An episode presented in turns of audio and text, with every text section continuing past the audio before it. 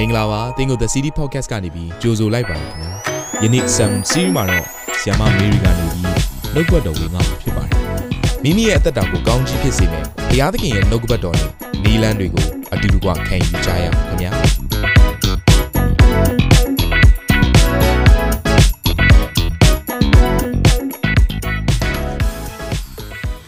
ကျွန်တော်တို့မထိုင်သေးပဲနဲ့တန်ရှင်တော်လက်များကိုမြောက်ပင့်ပြီးတော့ ဘုရားသခင်ခနေ့ဖွင့်ပြမယ့်နှုတ်ဘတ်တော်အတွက်ကျွန်တော်လက်ခံကြိုဆိုပါရယ်ခနေ့နှုတ်ဘတ်တော်ကိုခိုးယူမဲ့အရာမောက်လန့်ဖြတ်စီးမဲ့အရာတွေအားလုံးကိုကျွန်တော်ဖယ်ရှားပါရယ်ဆိုပြီးအိုးနှလုံးသားများကိုဖွင့်နေအတန်ကိုလွင့်ပြီးတော့ဘုရားသခင်ရှေ့မှာကျွန်တော်နှလုံးသားတညီတညွတ်တဲ့ဆုတောင်းကြရအောင်ဟာလေလုယာတန်ရှင်တော်ဝိညာဉ်တော်ဖခင်ဝိညာဉ်တော်ဖခင်ဒီနေ့ကျွန်တော်တို့ကိုစကားဟာပြောပါတန်ရှင်တော်ဝိညာဉ်တော်ဖခင်ကျွန်တော်တို့ကိုဖွင့်ပြပါအိုးတန်ရှင်တော်ဝိညာဉ်တော်ဖခင်ဒီနေ့ကိုရောကြားစေခြင်းတဲ့အရာ ကိုရောပြောတဲ့အရာကိုနားထောင်တတ်တဲ့ဝိညာဉ်နာအကင်းပါဖို့ရန်အတွက်ကျွန်တော်တို့နှလုံးသားများကိုဖွင့်တယ်ကျွန်တော်တို့ဝိညာဉ်နာများကိုဆွင့်ထားပါတယ်ကျွန်တော်တို့ဝိညာဉ်မျက်စိများကိုလည်းဖွင့်ထားပါတယ်ဝိညာဉ်တော်ဘုရားကိုရောကိုလက်ခံကြိုးဆိုပါတယ်တန်ရှင်တော်ဝိညာဉ်တော်ဘုရားအယက်မှာကိုရောလိုလက်စွာလှုပ်ရှားပါနှုတ်ကပတ်တော်ကိုဖျက်ဆီးမဲ့အရာများအလုံးကိုယေရှုနာမ၌ညှင်းပယ်ပါတယ်ဖယ်ရှားပြစ်ပါတယ်ယေရှုကိုချီးမွမ်းလျက်ယေရှုနာမ၌ဆုတောင်းဆက်ကအနန္တပါ၏အာမင်ဒီချိန်မှာမထိုင်သေးပဲနဲ့ကိုပင်နာမှာရှိတဲ့သူတွေကို ရှလုံးလို့ပြောလိုက်ရအောင်နော်လက်ဝဲလက်ရအရှင်းနောက်မှာရှိတော်သူများကိုရှလုံးလို့ပြောလိုက်ပါငြိမ်သက်ခြင်းကိုပေးတဲ့သူကဖခင်ပဲဖြစ်တယ်ဟာလေလုယာထိုင်နိုင်ပါပြီမိသားစုများအားလုံးယေရှုတင်ပါတယ်ခက်ခဲရကာလမှာငြိမ်သက်ခြင်းကိုတခြားအရာမှာရှာပေမဲ့တကယ်စစ်မှန်တဲ့ငြိမ်သက်ခြင်းကိုပေးနိုင်တာဖခင်ပဲဖြစ်တယ်ဘယ်ရာကောင်းမှကျမတို့ကိုလုံခြုံမှုမပေးနိုင်ဘူးဘ ယ်နေရာကမှကျမတို့ထွက်ပြေးလို့မရဘူးအဲ့ဒီမျက်မှောက်တော်ကသာလင်ကျမတို့ကိုလုံခြုံမှုပေးတာဖြစ်တယ်ထပ်ပြောလိုက်ပါအောင်ဘေးနားမှာရှိတဲ့သူမျက်မှောက်တော်ကသာလင်တင့်ကိုလုံခြုံမှုပေးလိမ့်မယ်ဟာလေလုယာဒီနေ့ဖခင်ရဲ့နှုတ်ကပတ်တော်ကိုမိသားစုများအတွက်ယူဆောင်လာပါတယ်နှုတ်ကပတ်တော်အတွက်အားလုံးဆေးလို့ရှားမယ်လို့ယုံကြည်တယ်ဒီဘက်ချမ်းမှာရှိတဲ့မိသားစုတွေနှုတ်ကပတ်တော်အတွက်ဆေးလို့ရှားလား အာဆေးလုံရှာတဲ့အတွက်ဝမ်းသာတယ်ဖခင်သားရီကောင်းချီးပေးပါစေအလဲမှာရှိတဲ့မိသားစုများနှုတ်ပတ်တော်အတွက်ဆေးလုံရှာလားအော်ဆေးလုံရှာနေတော့လက်များအတွက်လည်းခြေဆုတင်တယ်ဟိုဘက်ချမ်းမှာရှိတဲ့မိသားစုများနှုတ်ပတ်တော်အတွက်ဆေးလုံရှာလားဝေါဆေးလုံရှာတဲ့အတွက်အရန်ခြေဆုချီးမွမ်းတယ်အသက်ရှင်တဲ့ဖခင်ကိုနောက်တစ်ခါလို့လက်ခုပ်တီးပြီးဂုဏ်ပြုကြမယ် ယေရှုတင်ပါတယ်ယေရှုတင်ပါတယ်ဟာလေလုယာဖခင်ရှင်အစင်မြဲကောင်းမြတ်တဲ့ဖခင်သခင်ဖြစ်တယ်ခက်ခဲရကာလမှာပင်လင်နှုတ်ခမ်းကနေဖွင့်ပြီးတော့ချီးမွမ်းနိုင်ရသေးတဲ့အခွင့်ကိုပေးတဲ့အတွက်ဖခင်တကယ်ပဲကောင်းမြတ်တဲ့ဖခင်သခင်ဖြစ်တယ်ဟာလေလုယာဒီနေ့နှုတ်ကွက်တော်ရဲ့ခေါင်းစဉ်ကအသက်ရည်ထွက်ရာစမ်းရည်တွင် ပြောကြည့်ပါဦးအသက်ရည်ထွက်ရာစမ်းရည်တွင်အခြေပြုကျမ်းလေးကိုမိသားစုများအတွက်ခဏလောက်ဖတ်ပြချင်ပါတယ်ရှင်ယောဟန်ခရစ်ဝင်အခန်းကြီး9အပိုက်ငယ်38 ငါကိုယုံကြည်သောသူသည်စမ်းစာလာသည့်အတိုင်းအသက်ရည်ထွက်ရာစမ်းရည်တွင်ဖြစ်လိမ့်မည်ဟုမိန့်တော်မူ၏နောက်ထပ်အခြေပြုကျမ်းလေးကိုထပ်ပြီးတော့ဖတ်ပြချင်ပါတယ်ရှင်ယောခရစ်ဝင်ခန်းကြီး၄အပိုက်ငယ်၁၄မှာဖြစ်ပါတယ်ငါပေးသောရေကိုတောက်သောသူမူကားရေငတ်ခြင်းနဲ့အစင်မပြတ်ကင်းလွတ်လိမ့်မည်ငါပေးသောရေသည်ထိုသူ၌ထာဝရအသက်ရှင်ခြင်းအလိုငါ ထွက်သောစမ်းရည်ဖြစ်လိမ့်မည်ဟုမိန့်တော်မူ၏ကျမတို့ဒီထဲမှာကျမ်းပိုင်းနှစ်ခုစလုံးကိုကြည့်တဲ့အခါမှာဘာကိုတွေ့ရလဲဆိုတော့ရေနဲ့ပတ်သက်ပြီးတော့စကလုံးလေးကိုတွေ့ရမှာဖြစ်တယ်ဆိုတော့ရေနဲ့ပတ်သက်ပြီးတော့စကလုံးလေးကိုကျမတို့ဒီနှုတ်ပတ်တော်ကိုမသွားခင်မှာရှေးခေတ်အခါတော့ကရေကိုသူတို့မြို့ကိုတီးတဲ့အခါမှာရေရှိမဲ့နေရာတွေကိုအယုံဆုံးရှာရတယ်မြို့ကိုတီးမဲ့ဒီနေရာလေးကတော့တီးလိုက်ရအောင်ဆိုပြီးအဲ့လိုမဟုတ်ဘူးရေကြောပမာရှိလဲဆိုတဲ့အရာကိုသူတို့အရင်ရှာတယ်ရေကြောရှိတဲ့နေရာကိုတွေ့ပြီးဆိုရင်အဲ့ဒီရေကြောတစ်ချောင်းမှာလူတွေက နေထိုင်တယ်အသက်မွေးဝမ်းကြောင်းလုပ်တယ်စီးပွားရေးတွေလှုပ်ဆောင်တယ်အဲ့ဒီရေကြောတစ်လျှောက်မှာပဲတကယ့်ကိုဖြစ်ထွန်းပြီးတော့လူမြောက်များစွာကနေထိုင်ကြတယ်အဲ့ဒီအတွက်ကြောင့်မလို့နိုင်မြစ်တို့လို့ယူဖရေးမြစ်တို့လို့တစ်လျှောက်မှာမြစ်ကြောတစ်လျှောက်မှာလူမြောက်များစွာနေထိုင်တယ်နောက်ဆုံးကျမတို့နှုတ်ပတ်တော်ထဲမှာကြည့်တဲ့အခါမှာလဲဓမ္မသစ်မှာယေရှုကသူ့ရဲ့ပထမဦးဆုံးနော် ministry ကိုစတင်တဲ့အခါမှာသူဘယ်ကိုအရင်သွားလဲဆိုတော့ယေရှိတဲ့နေရာဘက်ကိုအရင်သွားတာဖြစ်တယ်အဲ့ဒီဂိနေသရက်အိုင်လို့လဲခေါ်တယ်ဂါလိလဲအိုင်လို့လဲခေါ်တယ်အဲ့ဒီရက်မှာသွားတဲ့အခါမှာအဲ့ဒီရက်မှာရေကြောရှိတဲ့အတွက်ကြောင့်မလို့လူက2သိန်း5000လောက်ကနေထိုင်ကြတယ်ဆိုတော့အဲ့ဒီရက်မှာပဲနဲ့နော်အန်ဒရေတို့ပေထရုယာကုပ်ယောဟန်တို့ကိုယေရှုကခေါ်ပြီးတော့တပည့်တော်ဖြစ်ဖို့ရန်အတွက် ministry ရက်ကိုစခေါ်တယ်ဘယ်ရက်လဲဆိုတော့ရေကြောရှိတဲ့နေရာရက်ဒီပဲဖြစ်တယ်လူတွေကဘာလို့ဆိုဆိုလိုချင်လဲဆိုတော့လူတွေကရေကြောရှိတဲ့တဝက်ကိုလူတွေကအများဆုံးသွားကြတယ်အသက်ရှင်နေထိုင်ဖို့ရန်အတွက်လှုပ်ဆောင်တယ်ဒါဆိုရင်မြစ်ချောင်းမရှိတဲ့နေရာတွေမှာလူလူတွေကဘာကိုရှာလဲဆိုတော့ Israel တိုင်းနိုင်ငံမှာကြည့်တဲ့အခါမှာဒီမြစ်ချောင်းနေနဲ့ဝေးတယ်အရန်ပူပြင်းတယ်သူတို့တိုင်းနိုင်ငံကဂန္နာယဖြစ်တယ်ဂန္နာယဆိုတာသိတဲ့အတိုင်းပဲအရန်ပူတဲ့အခါမှာလူတွေကဘာလုပ်လဲဆိုတော့ရေမရှိတဲ့အတွက်ကြောင့်မလို့ရေရအောင်လို့နော်မိုးတွင်းရောက်လာတဲ့အခါမှာရေတိုးလောင်ကန်တွေကိုလှုပ်တယ်ရေတိုးလောင်ကန်လှုပ်တယ်ဆိုတဲ့အရာကအပြင်မှာတောက်လျှောက်မိုးတွင်းမှာတမိုးလုံးရွာတဲ့ရေကိုနော်တကယ်ပဲသူတို့ ရေသွဲရလမ်းချောင်းတွေကိုလှုပ်ပြီးတော့သူတို့နိုင်ငံမှာဆိုကြောက်သားတွေရှိတယ်။အဲကြောက်သားကိုဖောက်ထွင်းပြီးလှုပ်ရတာဖြစ်တယ်။အဲကြောက်သားတွေကိုဖောက်ထွင်းပြီးရေသွဲရလှုပ်ပြီးတော့ကန်အကြီးကြီးနော်တမျိုးလုံးသုံးနိုင်လောက်တဲ့အထိကန်ကိုတိဆောက်ပြီးတော့အဲတမိုးလုံးကရေကိုသို့လောင်ပြီးတော့ကျန်တဲ့နွေရာသီရောက်တဲ့အခါမှာပြန်ပြီးတော့ထုတ်သုံးတဲ့အရာကိုလှုပ်ရတယ်။ရေမရှိတဲ့အရာမှာသို့လောင်ကန်နေလို့လှုပ်တယ်။နော်မြစ်ချောင်းလှုပ်တယ်တိုးလောင်ကန်နေနဲ့လှုပ်တယ်နောက်တစ်ခုသူတို့ကဘာလှုပ်တတ်ကြလဲဆိုတော့ မြစ်ချောင်းလည်းမရှိဘူးတိုးလောင်ကန်လည်းမရှိဘူးဒါပေမဲ့ထူးခြားတဲ့အရာကဘာလဲဆိုတော့မြေကြီးတွေကနေထွက်တဲ့စိတ်ဆန်းရည်လေးတွေရှိတယ်မြေကြီးတွေကထွက်တဲ့စိတ်ဆန်းရည်လေးတွေကိုစိတ်ဆန်းရည်ဆိုတာအများကြီးအရှိန်ဟုန်လုံးထွက်လာတာမဟုတ်ဘူးနည်းနည်းနည်းနည်းပဲဒါပေမဲ့များလာတဲ့အခါမှာလူတွေကအဲ့အရာကိုမိပြုတ်ပြီးတော့လည်းအသက်ရှင်ကြတယ်ဒါကြောင့်အဲဒီကျမတို့ဒီယေရီခေါမြို့ပေါ့နော်ကျမတို့ဣသရေလကိုသွားတဲ့အခါမှာယေရီခေါမြို့ကိုသွားတဲ့အခါမှာဘာတွေ့ရလဲဆိုတော့ရေကမရှိဘူးအရန်ခန်းချောက်တယ် ယေရီခေါနဲ့ကဲ့ရက်မှာဘာရှိလဲဆိုတော့ပင်လယ်သေးရှိတယ်ပင်လယ်သေးကျတော့ရေကသုံးလို့မရဘူးအရန်ငံတူးပြီးတော့သူ့အရတာကတောက်လို့လည်းမရဘူးအာဒီတက်ရှိငါးတွေဆင်းမယ်ဆိုရင်လည်းငါးတွေသေမှာဖြစ်တယ်အဲ့ထဲမှာလွတ်ထားလိုက်ရင်ငါးတွေသေမှာဖြစ်တယ်ဆိုတော့သုံးလို့မရတဲ့အခါမှာဒီပင်လယ်သေးရရေကို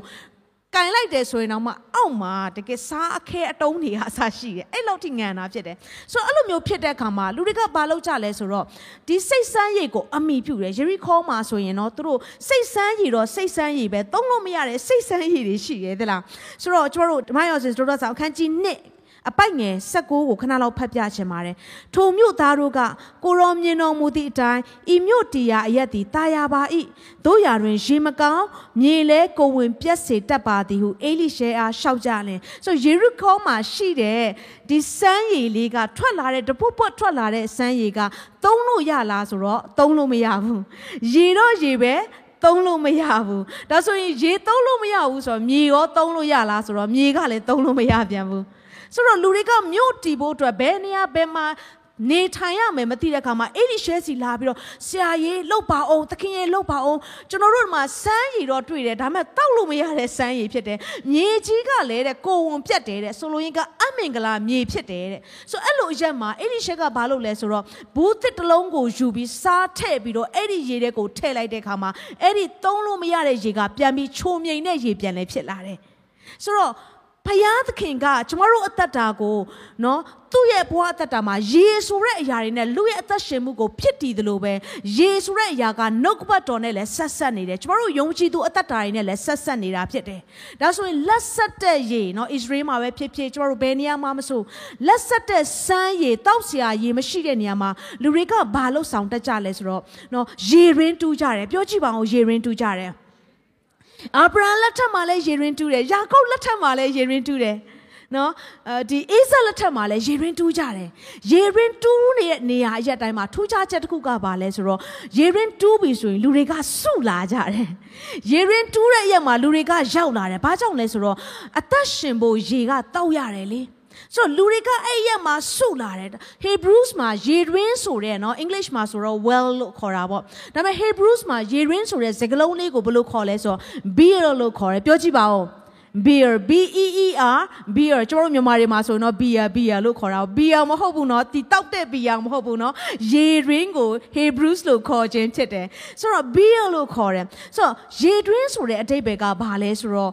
ဒီယေရှုခရစ်တော်ကိုယုံကြည်လက်ခံခြင်းကယ်တင်ခြင်းကိုပြောခြင်းဖြစ်တယ်။ယေရင်းဆိုတဲ့ຢာသည်ယေရှုကိုမိမိရဲ့အသက်သခင်ကယ်တင်ပိုင်ရှင်ဖြစ်ယုံကြည်လက်ခံခြင်းဖြစ်တယ်။ဒါဆိုဒီမှာရှိတဲ့မိသားစုတွေထဲမှာယေရှုကိုမိမိရဲ့အသက်သခင်ကယ်တင်ပိုင်ရှင်ဖြစ်ယုံကြည်လက်ခံပြီးဆိုရင်တင့်ရဲ့အထဲမှာယေတွင်းရှိတယ်။အဲ့ဒီရေတွင်းထဲမှာဘာရှိလဲဆိုတော့ရေဆိုတာရှိတယ်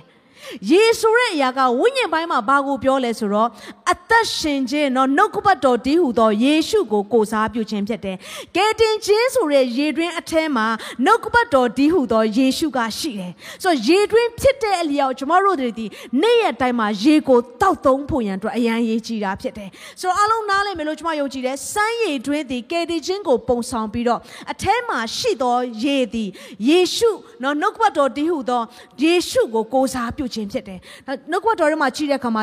ဒီကေတင်ချင်းနဲ့ပတ်သက်ပြီးတော့နော်ရေတွင်းနဲ့ပတ်သက်ပြီးတော့ဒီဓမ္မသစ်မှာဖြစ်ရလေတခုရှိတယ်။မိသားစုများကျွန်တော်တို့အတူတကွကြည့်ကြရအောင်။ရှင်ယောဟန်ခရစ်ဝင်ခန်းကြီး၄အပိုက်ငယ်၁၄မှာဖြစ်တယ်။တွေ့မယ်ဆိုရင်ကျွန်တော်တို့အတူတကွယေရှုပြုပြီးတော့ဖတ်ကြရအောင်။ငါပေးသောရေကိုတောက်သောသူမူကားရေငှက်ချင်းနဲ့အစင်မပြတ်ခင်းလို့လိမ့်မည်ငါပေးသောရေသည်ထိုသူ၌ထာဝရအသက်ရှင်ခြင်းလို့ငါထွက်သောစမ်းရေဖြစ်လိမ့်မည်ဒီထဲမှာကြည့်တဲ့အခါမှာ ယေရှုကရှမာရိနယ်မြေကိုသွားတာရှမာရိနယ်မြေကိုသွားတဲ့အခါမှာဘယ်မြို့ကိုရောက်လဲရှုခါမြို့ကိုရောက်တဲ့အခါမှာအရန်ပူတယ်အစ္စရေးမှာပူတယ်ဆိုတာကျွန်တော်တို့မြန်မာပြည်မှာပူတာထက်တတော့ ကိုပူတာမြန်မာပြည်မှာပူတယ်ဆိုရင်ကျွန်တော်တို့တစ်ပင်ရိတ်တွေမှာခိုလို့ရတယ်အစ္စရေးမှာပူပြီးဆိုရင်တစ်ပင်တေးသေးလေးတောင်မရှိဘူးအဲ့လောက်ထိအရန်ပူတာဖြစ်တယ်ရေရမ်းငတ်တဲ့အခါမှာယေရှုကရှမာရိနယ်မြေရှုခါမြို့ကိုရောက်တဲ့အခါမှာရေတွင်းကိုသူတွေ့လိုက်တယ်အဲ့ဒါကယာကုပ်ရေတွင်းဖြစ်တယ်ယာကုပ်ရေတွင်းကိုသူရောက်တဲ့အခါမှာသူနဲ့ဆုံတွေ့တဲ့အမျိုးသမီးတစ်ယောက်ရှိတယ်အဲ့ဒါကရှမာရိအမျိုးသမီးဖြစ်တယ် ရှမာရိလူတွေကဣသရေလလူတွေနဲ့နော်တငယ်ချင်းပေါင်းပေါင်းလို့မရဘူးရင်းနီးနီးဆက်ဆံလို့မရဘူးသူတို့ကိုအဆင့်တစ်ခုခွဲခြားထားတယ်ဘလောက်ထိတောင်ဣသရေလလူတွေကနော်ရှမာရိလူတွေကိုခွဲခြားဆက်ဆံလဲဆိုတော့ရှမာရိအမျိုးအနွယ်ကိုခွဲလို့သတ်မှတ်တယ် နော်ကြားလို့တော့မကောင်းဘူးနော်တရိတ်ဆန်လို့သတ်မှတ်တာလူလူချင်းကိုတရိတ်ဆန်လို့သတ်မှတ်တာဘာကြောင့်လဲဆိုတော့ရှမာရိအမျိုးတီနော်သူတို့သတ်မှတ်ထားတဲ့အရာကတပားအမျိုးသားကဲ့သို့ပဲရှမာရိလူတွေနဲ့ပေါင်းတင်ဆက်ဆံခြင်းစကားပြောခြင်းတောင်မလုပ်ဘူးဒီလိုရင်းနှီးခြင်းနှုတ်ဆက်ခြင်းတောင်မလုပ်ဘူးလုံးဝကိုမပတ်သက်တာအမျိုးသားပဲဖြစ်ဖြစ်အမျိုးသမီးပဲဖြစ်ဖြစ်ယေရှုကရှမာရိအမျိုးသမီးကိုတွေ့တဲ့အခါမှာသူမချင်ဖယ်ဘူးရှောင်လိုက်လို့ရတယ်လေဒါပေမဲ့အဲ့ဒီအမျိုးသမီးစီမှာသွားပြီးတော့ သူရေတောင်းတယ်ငါ့ကိုရေပေးပါရေပေးပါ तू ရေတောင်းတဲ့အခါမှာရှမာရိအမျိုးသမီးကအရန်အောင်အံ့ဩတယ်။ဘာကြောင့်ငါစီကနေရေတောင်းတာလဲ။ငါတို့ရှမာရိအမျိုးနွယ်တွေကခွဲခြားဆက်ဆံခံရတဲ့အမျိုးနွယ်တွေဖြစ်တယ်။လူတော်မတိုးတဲ့အမျိုးနွယ်တွေဖြစ်တယ်။ရှင်ဖယ်ချင်းကိုခံရတဲ့အမျိုးနွယ်တွေဖြစ်တယ်။ဒါပေမဲ့ယေရှုကသူ့စီကရေတောင်းတဲ့အရာကသူ့စီကရေလောက်ပဲတောင်းနေတာမဟုတ်ဘူး။ယေရှုကိုယ်တိုင်ကအသက်ရေကိုဒီအမျိုးသမီးကိုပေးချင်တာဖြစ်တယ်။ ဒါနဲ့ဒီမျိုးသမီးမှာရှိတဲ့အပြစ်ကိုဖော်ပြတဲ့အခါမှာသူ့ရဲ့နှလုံးသားထဲမှာမနေနိုင်တော့ဘူးသူတသက်လုံးဝတ်ထားတဲ့အရာဒီအဖြစ်တွေကိုယေရှုကဘလို့သိလဲမေရှိယဖြစ်ချောင်းကိုသူမြင်သွားတယ်ဆိုအဲ့ကျမ်းပိုက်လေးကိုခဏလောက်ဖတ်ကြည့်ကြရအောင်ရှင်ယောဟန်ခရစ်ဝင်ခန်းကြီး၄ငယ်28ကနေအပိုက်ငယ်30အထိဖြစ်တယ်ထိုမိမသည်လည်းရေအိုးကိုထားခဲ့၍မြို့ထဲသို့သွားပြီးလျင်အကျွန်ုပ်ပြုဘူးသမျှသောအမှုရာတို့ကိုထုတ်ဖော်သောသူကိုလာ၍ကြည့်ကြပါ ထိုသူသည်ခရစ်တော်မှန်လိမ့်မည်လောဟုလူများတို့အားပြောဆိုတော့သူတို့သည်မြို့ထဲမှထွက်၍အထံတော်သို့သွားကြ၏သူကဘာလုပ်လဲဆိုတော့ယေရှုမှန်လဲအသက်ရည်ပေးတဲ့အရာကိုသိလဲသိရောသူယူလာတဲ့ရေအိုးကိုချထားခဲ့ပြီးတော့သူ့ရဲ့မြို့ထဲကိုပြန်ဝင်ပြီးတော့ယေရှုကမေရှိယဖြစ်တယ်ဆိုတဲ့အရာကိုပြောတယ် ဒီထဲမှာခရစ်တော်ဒီဟုသောခရစ်တော်ရဲ့အတိတ်ဘက်က Messiah မေရှိယဖြစ်တယ်။သူရဲ့အတိတ်ဘက်က the anointed one ဗိသိက်ခံတဲ့သူဖြစ်တယ်။ဗိသိက်ခံတဲ့ဖယားဗိသိက်ခံတဲ့အရှင် Messiah ကယ်တင်ရှင်ဖြစ်တဲ့အရာကိုနော်ကျွန်တော်တို့ကိုကယ်တင်တဲ့အရှင်ဖြစ်တဲ့အရာကို तू သိတဲ့အခါမှာသူ့ရေအိုးတော် तू မမှုတော့ဘူး။ယေရှုကိုရတဲ့အခါမှာနော် ဘယ်အရာတွေနဲ့မှဒီဒီထဲမှာပြောင်းလဲလာကစလူတွေရှိလိမ့်မယ်ယေရှုကိုရရတဲ့ခါမှာအိုးတခြားအရာတွေကိုစိတ်မဝင်စားတော့ဘူးအယမ်းချစ်တဲ့ဇနီးတဲ့တောင်မှမေ့သွားတဲ့အခါတွေရှိကောင်းရှိလိမ့်မယ်ချစ်ဘူးလားတော့မသိဘူးဒီမျိုးသမီးကအယမ်းဝမ်းသာပြီးတော့ငါတသက်လုံးတော့တောင်းတနေတဲ့အရာခန်းချောက်နေတဲ့အသက်တာရဲ့အဖြေကယေရှုဖြစ်ပါလားအဲ့ဒီရေတွင်ဖြစ်ပါလားဆိုတာ तू သိသွားတယ်သူ့ဘဝအသက်တာမှာ तू ဖြည့်ခဲ့တာအများကြီးပဲသူ့မှာအိမ်အောင်ဆက်အများကြီး ယေရှုဖွင့်ပြလိုက်တဲ့အရာကအိမ်အောင်ဆက်နဲ့ပတ်သက်ပြီးသူ့ကိုဖွင့်ပြလိုက်တာကျွန်မစဉ်းစားတယ်ဒီအမျိုးသမီးခန်းချောက်မှုကဘလောက်တောင်ကြာခဲ့ပြီလဲပထမအိမ်အောင်ကိုထူထောင်တဲ့အခါမှာလဲခန်းချောက်နေတာသူဆန္ဒပြေးသွားမယ်သူ့အတွက်တကယ်ကိုအထောက်အကူဖြစ်မယ်မဖြစ်ဘူးဒုတိယအိမ်အောင်ဒုတိယအိမ်အောင်မလဲရမလားမဖြစ်ဘူးဆန္ဒမပြေမပြေဝသွားဘူးသူ့ရဲ့ဘဝတတရဲ့ခန်းချောက်မှုတွေကိုမဖြည့်ဆည်းပေးနိုင်ဘူးတစ်ဆက်ပြီးတစ်ဆက်ပြောင်းလာခဲ့တာ အိမ်အောင်ဆက်အများကြီးဖြစ်နေပြီဒါပေမဲ့ तू ဘယ်အရာနဲ့မှဖြည့်လို့ပြည့်သွားတယ်ဆိုတော့ယေရှုနဲ့ဖြည့်မှ तू ပြည့်သွားတော့တယ်ဟာလေလုယာဒါကြောင့်မိသားစုများသင်ရဲ့ဘဝအသက်တာမှာဖြည့်ပါမဖြည့်တဲ့မဟုတ်ဘူးเนาะသင်ဖြည့်နေမှာပဲဒါပေမဲ့ယေရှုမဟုတ်ရင်ခဏပဲအဖြည့်ခံမယ်ယေရှုနဲ့ဖြည့်မှပဲသင်တကယ်တောင်းတတဲ့အရာကိုသင်ရရှိမှာဖြစ်တယ်ဒီမျိုးသမီးနှစ်ပေါင်းများစွာအိမ်အောင်တက် တသက်ကိုကဲ3နှစ်4နှစ်ပဲထားလိုက်ပါဦး50လောက်ဆိုဘယ်လောက်ဖြစ်သွားမလဲနှစ်ပေါင်းများစွာသူဖြည့်ဆည်းခဲ့တယ်ဒါပေမဲ့ယေရှုမဟုတ်တဲ့အခါမှာတရားကငါ့ကိုမဖြည့်ဆည်းပေးနိုင်ဘူးဆိုတဲ့ຢာကိုသူကောင်းစွာသဘောပေါက်တယ်ယေအိုးကိုထားပြီးတော့မြို့ထဲကိုဝင်ပြီးတော့ခရစ်တော်ဖြစ်တယ်ဆိုတဲ့အရာကိုသူသိတဲ့အခါမှာအဲ့ဒီမြို့ထဲမှာရှိတဲ့သူတွေကလည်းအဲ့ဒီအထာဝရအသက်ကိုပေးတဲ့ရေကိုငါတို့လည်းလိုချင်တယ်ဆိုပြီးထွက်လာတယ်ငနေ့မိသားစုများ လောကကြီးကစီးစိမ်တဲ့ထာဝရအသက်ပေးတဲ့ယေရှုကိုလိုအပ်နေတာဖြစ်တယ်။ယနေ့လူတစ်ယောက်ကိုတင်ငွေ9000ပေးလိုက်ပေမဲ့ တင်ပေးလိုက်တဲ့ထာဝရအသက်က9000ထပ်မကတော့တန်ဖိုးကြီးတာဖြစ်တယ်။ဖြည့်ဆည်းလို့ရတဲ့အရာနဲ့ခဏတာပဲမဟုတ်ပဲနဲ့ထာဝရအသက်ကိုပေးဖို့ရန်အတွက်သင်မိသားစုထဲမှာဖခင်ကိုမသိတဲ့သူတွေမယုံကြည်တဲ့သူတွေရှိကောင်းရှိလိမ့်မယ်။သင်မိသားစုတွေကိုထောက်ပံ့ရတဲ့အရာရှိကောင်းရှိလိမ့်မယ်။ဒါပေမဲ့မိသားစုများကျွန်မပြောပြစေ။သင်မိသားစုကိုထောက်ပံ့တဲ့အရာကငွေချေးဖြစ်ကောင်းဖြစ်မယ်အစားအသောက်ဖြစ်မယ်။ထာဝရအသက်ကိုသင်ပေးတယ်ဆိုရင်အဲ့ဒီမိသားစုတစ်ဆွေတစ်မျိုးလုံးအတွက်ကောင်းချီးမင်္ဂလာဖြစ်မှာဖြစ်တယ်။ဟာလေလုယာ။ဟာလေလုယာ။ တချို့သောသူများကျွန်တော်သာရအသက်တော်ရတယ်ရေရင်းကြီးလည်းရတယ်ရေရင်းထဲမှာလည်းရေရှိပါတယ်နှုတ်ကပတ်တော်ရှိပါတယ်ဒါပေမဲ့ကျွန်တော်ဘဝအသက်တာမှာခန်းချောက်မှုတွေရှိသလိုပဲဘာလို့လို့လို့ရမှမသိဘူးဒီကာလမှာဆိုလမ်းစာပြောက်နေတဲ့သူတွေအများကြီးပဲ။ ဘာလုပ်လို့လုပ်ရမှန်းမသိဘူးဆွတောင်းလာခံတဲ့သူတွေမှာဘာတွေ့ရလဲဆိုရှစ်ဆက်ပြီးဘာလုပ်ရမှန်းမသိဘူးတဲ့ပြေးပထွက်ရမလားပြေးရင်းမှာပဲဆက်နေရမလားမသိတဲ့သူတွေအများကြီးရှိတယ်ဒီလိုအခြေအနေမှာကျမတို့ဖြတ်တန်းရတဲ့အခါမှာဘာလုပ်ရမလဲဆိုတော့အဲ့ဒီနှုတ်ကွက်တော်မှာပဲအဖြေရှိတယ်သင်တို့ဒီဝမ်းမြောက်သောစိတ်နဲ့ကယ်တင်ခြင်းစမ်းရည်တွင်တို့၌ရေခတ်ရကြလိမ့်မည်ပြောကြည့်ပါဦးရေခတ်ရကြလိမ့်မည် အဲ့ဒီလိုမျိုးသင်ရဲ့ဘဝအသက်တာမှာယေရှုရဲ့ကိုရောပမာလဲအဖြေပမာလဲလို့မေးတဲ့အခါမှာအဲ့ဒီအထဲမှာရှိတဲ့ရေကိုခတ်ပြီးတော့တောက်အောင်မှာဖြစ်တယ်တခါတရံကြရင်ကျမတို့ကအဖြေရဖို့အတွက်သူများတွေစီမှာပဲအကြံဉာဏ်ယူတတ်ကြတယ်ငါ့ကိုအကြံပေးပါဦးဒါပေမဲ့အထဲမှာရေထဲမှာတင့်အထဲမှာရေတွင်းထဲမှာခတ်ပြီးတော့တောက်လို့ရတဲ့အစွမ်းတတိကိုဖျားပေးထားတယ်ဘာလို့ရမလဲဆိုတော့တင်ကိုယ်တိုင်ခတ်ပြီးတော့တောက်ရမှာဖြစ်တယ် ပြောကြည့်ပါဦးကျွန်တော်ကိုယ်တိုင်ခတ်ပြီးတောက်အောင်မှာဖြစ်တယ်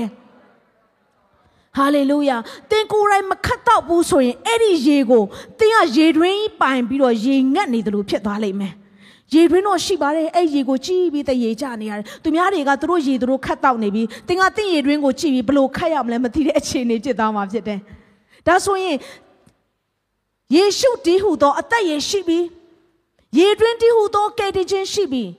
ဒါပေမဲ့အဲ့ဒီအသက်တာရေတွင်းနဲ့ပတ်သက်ပြီးတော့သတိထားမယ်အချက်နှစ်ချက်ရှိတယ်ဟုတ်ပြီသင်ရေတွင်းရှိတယ်မှန်တယ်ဒါပေမဲ့သတိထားမယ်အချက်လည်းရှိတယ်အဲ့ဒါကဘာလဲဆိုတော့နံပါတ်1တစ်ချက်ကရေတွင်းဆိုတာရန်သူရဲ့လူယူခြင်းကိုခံရတတ်တယ်ပြောကြည့်ပါဦးရေရင်းဆိုတာရန်သူရဲ့လူယူခြင်းကိုခံရတတ်တယ်သင်ရေတွင်းကိုသင်တယောက်တည်းမဟုတ်ဘူးရန်သူကလည်းချောင်းနေတာဖြစ်တယ် ဆိုတော့နှုတ်ကပတ်တော်တစ်ချက်ကိုခဏလောက်ဖတ်ပြခြင်းနဲ့ကပောက်ကြံခန်းကြီး26အပိုက်ငယ်18ဖြစ်ပါတယ်ထိုအခါအေးဆက်သည်အဘအာဗြဟံကျွန်တို့တူ၍အဘသေသောနောက်ဖိလိတိလူတို့ဖို့သောရေတွင်းတို့ကိုတူးဖော်ပြန်၍အထက်ကအဘသမုတ်သောအမိဖြင့်သမုတ်လေ၏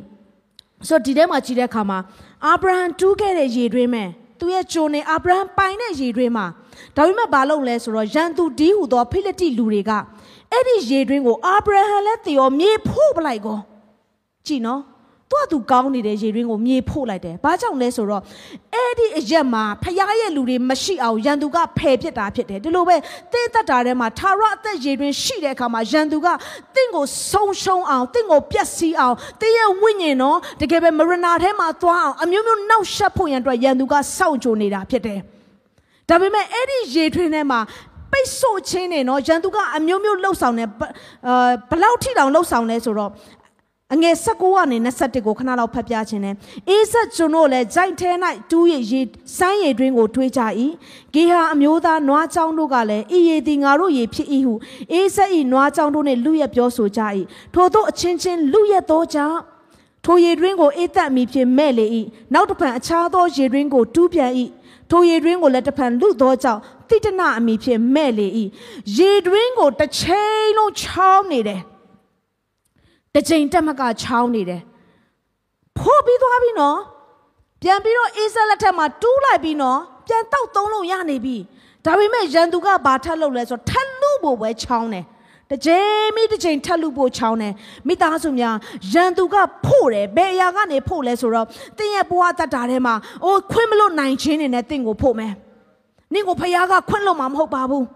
နင်က ပျက်စီးမဲ့သူဖြစ်တယ်။နင်ကဆုံးရှုံးမဲ့သူဖြစ်တယ်။နင်ကဖျားချစ်တဲ့မထိုက်တန်ပါဘူးဆိုတဲ့အတွေးခေါ်တွေကဝင်လာတဲ့အခါမှာအဲ့ဒီအတွေးကိုဟုတ်တယ်ငါကဖျားချစ်တဲ့မထိုက်တန်ဘူး။ငါကတော့သွားပါပြီဆိုတဲ့အရာကိုလက်ခံလိုက်တာနဲ့ဒီအတွေးခေါ်လက်ခံလိုက်ခြင်းကတင်းရဲ့ရေတွင်းကိုရန်သူကဖုတ်မဲ့အရာကိုဟုတ်ကဲ့ပါကျွန်တော်ရေတွင်းကိုလာဖို့ပါလို့ပြောလိုက်တာနဲ့အတူတူပဲ။ မိသားစုများတင်းရဲ့ရေတွင်းကိုသင်ကပဲပိုင်ဆိုင်တာဖြစ်တယ်။တင်းရဲ့ရေတွင်းကိုရန်သူမပိုင်ဘူး။တင်းမှာဘာလို့ဖို့အခွင့်ရန်အခွင့်လန်းရှိလဲဆိုတော့အဲ့ဒီရေတွင်းကိုပြန်ပြီးတော့လူယူနိုင်တဲ့အခွင့်အရေးရှိတယ်။ရန်သူမင်းငါရဲ့ရေတွင်းကိုလာခိုးလို့မရဘူး။ဒါဖယားငါကိုပေးထားတဲ့ရေတွင်းဖြစ်တယ်။ဖယားငါအတွက်ပေးထားတဲ့အရာဖြစ်တယ်။ရန်သူမင်းနဲ့လုံးဝမသက်ဆိုင်ဘူး။ဒီအတွေးခေါ်ထဲမှာလာဖို့တဲ့ခါတီချင်းတွေမာမာနတွေအတ္တတွေဇဝေဇဝါဖြစ်ပြီးတော့ဒီချိန်မှာဘာလို့မှမသိပဲမျောလင်းချက်မဲ့တဲ့အရာတွေရန်သူမြေလာဖို့ပုံမကြိုးစားနဲ့ဟာလေလုယာနောက်တတိထားမယ်အချက်ရှိတယ်အဲ့ဒါကဘာလဲဆိုတော့ရေရင်းဆိုတဲ့အသက်တာကအယမ်းပူတဲ့အခါမှာရေရင်းကဘာဖြစ်လဲဆိုတော့ခန်းချောက်သွားတတ်တယ်မိုးရသည်မှာတော့ရေရှိတာပေါ့ရေတွင်းဆောင်းဝသည်မှာလည်းအေးဆေးပဲဒါပေမဲ့နွေရာသီရောက်တဲ့အခါမှာရေတွင်းကခန်းချောက်သွားတတ်တယ် ယုံကြည်သူဘဝအသက်တာမှာလဲခန်း၆တဲ့အသက်တာဆိုတာကြားဖို့မှာပါခက်စရာရေမရှိတော့တဲ့အထိခန်း၆တဲ့အသက်တာဖြစ်ဘူးလားမသိဘူးတခါပြန်ကြရင်တရားဟောချက်တွေနားထောင်ပေမဲ့လဲဘာလုံးလို့ဘာကန်ရမယ်မသိဘူးဖြစ်နေတယ်ဆွတ်တောင်းတော့လဲဘလို့ဆွတ်တောင်းမှမသိဘူးနှုတ်ကမထွက်နိုင်တော့အခြေအနေဖြစ်တယ်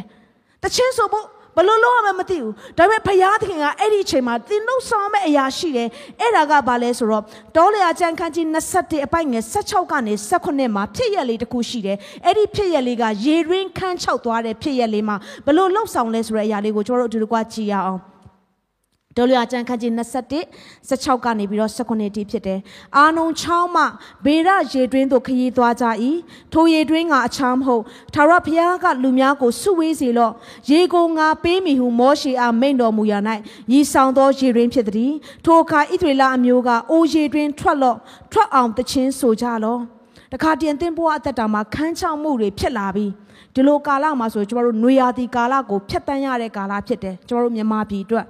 မြန်မာပြည်တစ်ခုလုံးအတိုင်းတာအနေနဲ့နွေရာသီကာလကိုဖျက်ဆီးနေရတဲ့ကာလဖြစ်တယ်။ယုံကြည်သူတော်တော်များများတချို့ဆိုရင်လုံးဝရေတွင်းမှာရေမရှိတော့တဲ့အခြေအနေထိတောင်ဖြစ်သွားတယ်။ဘုရားသခင်ပျောက်သွားပြီ။ဘုရားသခင်ဗမာလဲကိုရောမရှိတော့ဘူးလား။ကိုရောအသက်ရှင်နေဒီလောက်ထိဆွတောင်းနေတာဘာကြောင့်မရတော့ဘူးလား။လုံးဝရေတွင်းထဲမှာရေမရှိတော့တဲ့အသက်တာလို့ကြုံရတတ်တယ်။ဒီလိုအချိန်မှာအခုဣသရေလလူတွေကလည်းရေတွင်းထဲမှာရေမရှိတော့ဘူး။ရေတွင်းမှာရေမရှိရင်ဘာဖြစ်လဲသလားဝမ်းမြောက်ခြင်းလည်းမရှိတော့။ လူတယောက်ကရေအရန်ငတ်လာပြီဆိုရင်ပြောနိုင်မလားမပြောနိုင်တော့ဘူးရေရန်ငတ်လာပြီဆိုစိတ်ရှင်နိုင်မလားစိတ်မရှင်နိုင်တော့ဘူးဝမ်းမြောက်ခြင်းကိုမာနက်ကခိုးယူသွားတယ်အောင်မြင်ခြင်းတွေကိုမာနက်ကခိုးယူသွားတယ်ဖယားသားပါလို့ပြောပြီးအကျွေးမြည်တွေများစွာတင်ပြီးတော့ဘလို့မှမပြောနိုင်တဲ့အခြေအနေဖြစ်လာတယ်အဲ့ဒီလိုအခြေအနေမှာဘာလုပ်လဲဆိုတော့အဲ့ဒီရေတွင်းကိုကြည့်ပြီးတော့တခြင်းဆိုပါတဲ့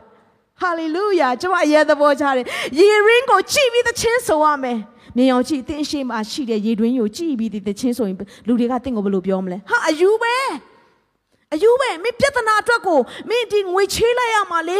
ပြဿနာအတွက်ကိုသူများစီကတောင်းလိုက်ရမှာလေမဟုတ်ဘူးအဲ့ဒီရေတွင်းကိုကြည့်ပြီးငါတချင်းဆုံးမယ် ဟာလေလုယာခဏပြဿနာခက်ခဲတွေကြုံပြီးဆိုရင်ယေရင်းတီးဟူသောယေရှုရဲ့ကယ်တင်ခြင်းကိုလက်ခံယုံကြည်ပြီးတော့အထဲမှာရှိတဲ့ခန်းချောင်းနေတဲ့အရာတွေကိုရေအထဲမှာရေတွေကထွက်လာတော့မယ်မကြာမီမှာရေတွေများစွာထွက်လာတော့မယ်ဆိုတဲ့အရာကိုမြင်ရောင်ပြီးတော့ဝမ်းမြောက်ခြင်းနဲ့ဂျေဇုတော်ချီးမွမ်းခြင်းနဲ့တခြင်းဆိုတဲ့အခါမှာချောင်းနေတဲ့ရေရင်းအောက်ခြေကအရာတွေကရေတွေကတပွတ်ပွတ်ပြန်ပြီးထွက်လာမှာဖြစ်တယ်ဟာလေလုယာနေကျွန်တော်တို့ကိုးကွယ်တဲ့ဖခင်သခင်က င့်ရဲ့ခန်းချောက်ခြင်းတွေကိုလည်းပြန်လဲပြီးတော့စီစဉ်ပြီးဆိုးဆိုးစေတဲ့ဘုရားသခင်ဖြစ်တယ်ရေကိုပြန်လဲထွက်စေတဲ့အရှင်ဖြစ်တယ်ဟာလေလုယာဒီအတွက်ကြောင့်မို့လို့အေဖက်ခန်းကြီး9ငယ်18ကနေပြီးတော့19မှာပါရေးထားလဲဆိုတော့တချင်းဆိုခြင်းကတချို့ကပေါ့တန်တန်နေတတ်မှတ်တယ်နော်ဟမ်တချင်းဆိုတာပဲငါလည်းဆိုတတ်တာပဲမဟုတ်ဘူးတချင်းဆိုခြင်းမှာတကိုးပါတယ် တချင်းဆိုခြင်းမှာတကိုးပါတယ်ကျမဆမမေရီကဆိုခိုင်းလို့ဆိုတာမဟုတ်ဘူးနှုတ်ဘတ်တော်ထဲမှာလည်းတချင်းဆိုခိုင်းတယ်ကျမတို့တစ်ချက်လောက်ကြည့်အောင်အေဖက်ခန်းကြီး9အပိုင်ငယ်18ကနေ19ဖြစ်တယ်လွန်ကျူးစေတတ်သောစပြည့်နဲ့ရင်မှုချင်းကိုရှောင်ပြည့်ဝိညာဉ်တော်နဲ့ပြည့်စုံလျက်ရှိကြလို့ဆက်ပြီးတော့ကြည့်အောင်ဇာလံတချင်းမှစသောဓမ္မတိချင်းအမျိုးမျိုးတို့ကိုအချင်းချင်းပြောဆိုဖတ်ရွ၍နူးညွတ်သောစိတ်နှလုံးနှင့်သခင်ဖျားရှေ့တော်၌ကျူးအေး၍တည်ဆိုကြလော English ကျမ်းစာမှာဆိုပါရေးထားလဲဆို၄မျိုးဖော်ပြထားတယ်စာလံတချင်းစာလံတချင်းဆိုတာကျွန်တော်တို့ကျမ်းစာအုပ်ကိုဖွင့်လိုက်ပြီးဆိုရင်ကျမ်းစာเนาะဒီစကလုံးအတိုင်းကိုတည်ဆိုတဲ့အရာကိုစာလံတချင်းလို့ခေါ်တယ်နောက်တစ်ခုကျတော့เนาะဓမ္မတည်ချင်းဓမ္မတည်ချင်းက hymn song နေဖြစ်တယ် hymn song ဆိုတဲ့အရာကကျွန်တော်တို့ဒီကြောင်မြေခရီတော်ငါခိုးလုံးစသဖြင့်ပေါ့နော်အဲ့ဒါက hymn song နေဖြစ်တယ်ဆိုတော့ hymn song နဲ့ပဲလားဆိုမဟုတ်ဘူး spiritual sound နဲ့ဝိညာဉ်တခြင်းနဲ့ ဝိညာဉ်တခြင်းဆိုတာဘာကိုပြောလဲဆိုတော့ဝိညာဉ်ဘာသာစကားနဲ့ဖះကိုချီးမွမ်းတာကိုပြောခြင်းဖြစ်တယ်ဝိညာဉ်ဘာသာစကားနဲ့ချီးမွမ်းခြင်းသည်အခြားသောဘာသာစကားတနည်းအားဖြင့်လူတွေနားမလည်နိုင်တဲ့ဘာသာစကားနဲ့ဖះကိုကျွန်တော်တို့ကချီးမွမ်းလို့ရတယ်ဝိညာဉ်ဘာသာစကားနဲ့ချီးမွမ်းခြင်းကလေဘာလဲနားမလည်မနားမလည်တာဘာလို့ချီးမွမ်းမှာလဲကျွန်တော်ပြောပြစီရှင်ပေါလုကဘာပြောလဲဆိုတော့အတွင်းလူကိုခိုင်ခန့်စေတယ်တဲ့ အခြားသောဘာသာစကားတွေအတွင်းလူကိုခိုင်ကန့်စေတဲ့အတွက်ကြောင့်မလို့သင်ခန်းချောင်းနေလားအဲ့ဒီလိုဝိညာဉ်ဘာသာစကားနဲ့တခြင်းဆိုတဲ့အခါချီးမွမ်းတဲ့အခါမှာအာရပါရဆေလို့လိုက်တဲ့အခါမှာသင်ရဲ့ခန်းချောက်ခြင်းတွေကပြန်ပြီးဆိုဆုခြင်းကိုဖြစ်လာတယ်ဝိညာဉ်ဘာသာစကား spiritual sound ပြီးတော့ဘာထက်လာသေးလဲဆိုတော့နောက်တစ်ခုက making melody in my heart နော်နော် making melody တန်စင်ပြူတာကျွန်တော်တို့ခါကြရင်ကိုးကွယ်ခြင်းနဲ့မှာလေတခြင်းကပြီးသွားပြီဒါပေမဲ့ အထဲမှာထွက်လာတဲ့တန်စင်လေးတွေနဲ့ဖះကိုချီးမွမ်းတာခါရင်ကြတဲ့အလုံးလုံးနေပါတယ်အလုံးလုံးရင်လည်းတိတ်ထဲမှာတန်စင်လေးတွေထွက်လာပြီးတခြင်းဆိုခြင်းနဲ့မလားဆိုတော့ရေးထားတဲ့သူများရေးထားတဲ့တခြင်းမဟုတ်အထဲမှာတော့သူစီးထွက်လာတယ် ကျမဆိုလည်းအဲ့လို spontaneous sound တွေကနေတခြင်းရလာတဲ့အရာတွေအများကြီးရှိတယ်ဆိုတော့အဲ့လိုအချိန်မှာဝိညာဉ်ကပြန်ပြီးတော့လန်းဆန်းမှုဖြစ်လာဘာလို့ခိုင်းတာလဲဘုရားသခင်ကတခြင်းဆိုပါတဲ့ခန်းချောက်တဲ့ရေတွင်းကိုချိပြီးတော့တခြင်းဆိုပါအဲ့ဒီတခြင်းဆိုခြင်းထဲမှာရေကပြန်လဲပြီးတော့ထွက်လာလိမ့်မယ်တဲ့ဟာလေလုယာဒါဆိုတင့်ထဲမှာရေထွက်လာပြီးဆိုမှတော့လူတွေအတွက်တင်ကိုယ်တိုင်ကတောက်ရုံမကဘဲနဲ့လူတွေအတွက်ပါပြန်ပြီးပေးနိုင်တဲ့အဆင့်ကိုဖြစ်လာလိမ့်မယ်ဒါဆိုရင်ကျမတို့ရေတွင်းတို့ ကြည့်တဲ့အခါမှာဟုတ်ပြီရေရင်းကခန်းချောက်တက်တဲ့အတွက်ကြောင့်မလို့ဘာလို့ရမလဲဆိုတော့ရေရင်းကိုကျမတို့လှုပ်ဆောင်တဲ့အခါမှာရေကြောနဲ့ကျမတို့ချိတ်ဆက်ဖို့လိုတယ်ပြောကြည့်ပါဦးရေကြောနဲ့ချိတ်ဆက်ရမယ်ရေရင်းမှာတိမ်ကောတဲ့ရေရင်းရှိသလိုနော်ရေရင်းမှာအာအမျိုးမျိုးရှိတယ်တချို့ရေရင်းကတိမ်ခေါ်တတ်တယ်ဆိုတော့ဒီရေကြောနဲ့ချိတ်ဆက်ဖို့ဆိုရင်လှုပ်ဆောင်မယ့်အရာကဘာလဲဆိုတော့ရေရင်းကိုအပေါ်ယံလောက်ပဲမဟုတ်ဘဲနဲ့နက်နက်တူရမယ် နက်နက်တူးမှရေကြောနဲ့ချိတ်မယ်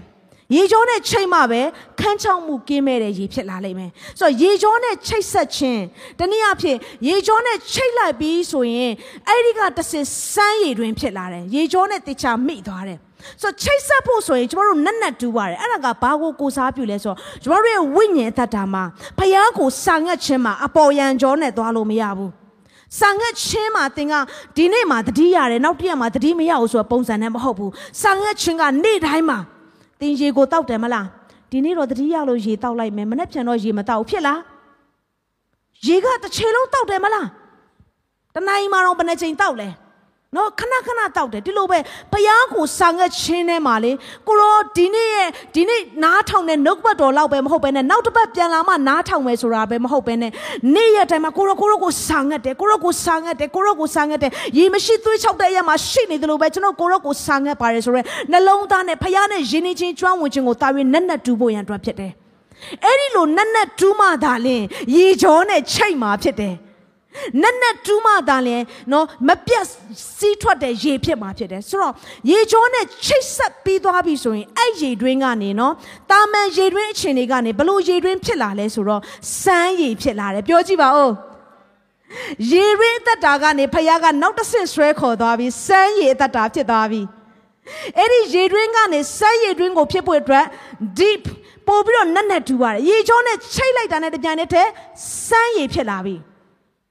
ဒါဆိုရင်စမ်းရည်ဖြစ်လာတယ်ဆိုတဲ့အရာကဘာလဲဆိုတော့တန်ရှင်းသောဝိညာဉ်တော်ရဲ့ဗတ္တိဇံကိုခံခြင်းဖြစ်တယ်။စမ်းရည်သည်တန်ရှင်းသောဝိညာဉ်တော်နဲ့ဗတ္တိဇံကိုခံခြင်းဆိုတော့နှုတ်ပတ်တော်ထဲမှာဘုရားကဘာပြောလဲတောင်းကြလို့တောင်းနေရမယ်။ရှာကြလို့ရှာနေတွေ့မယ်။ခောက်ကြလို့ခောက်ရင်ဖွင့်မယ်။ဒါပေမဲ့ကျွန်တော်တို့ဘာတောင်းလဲကိုရောဟိုကားလေးကနည်းနည်းဟောင်းသွားလို့ကားတစ်လေးပေးပါဦးကိုရောလစာတွေရှော့ခံရလို့အရင်တိုင်းလစာပြန်ရအောင်ပေးပါဦးကျွန်တော်တို့တောင်းတော့တောင်းတတ်တယ်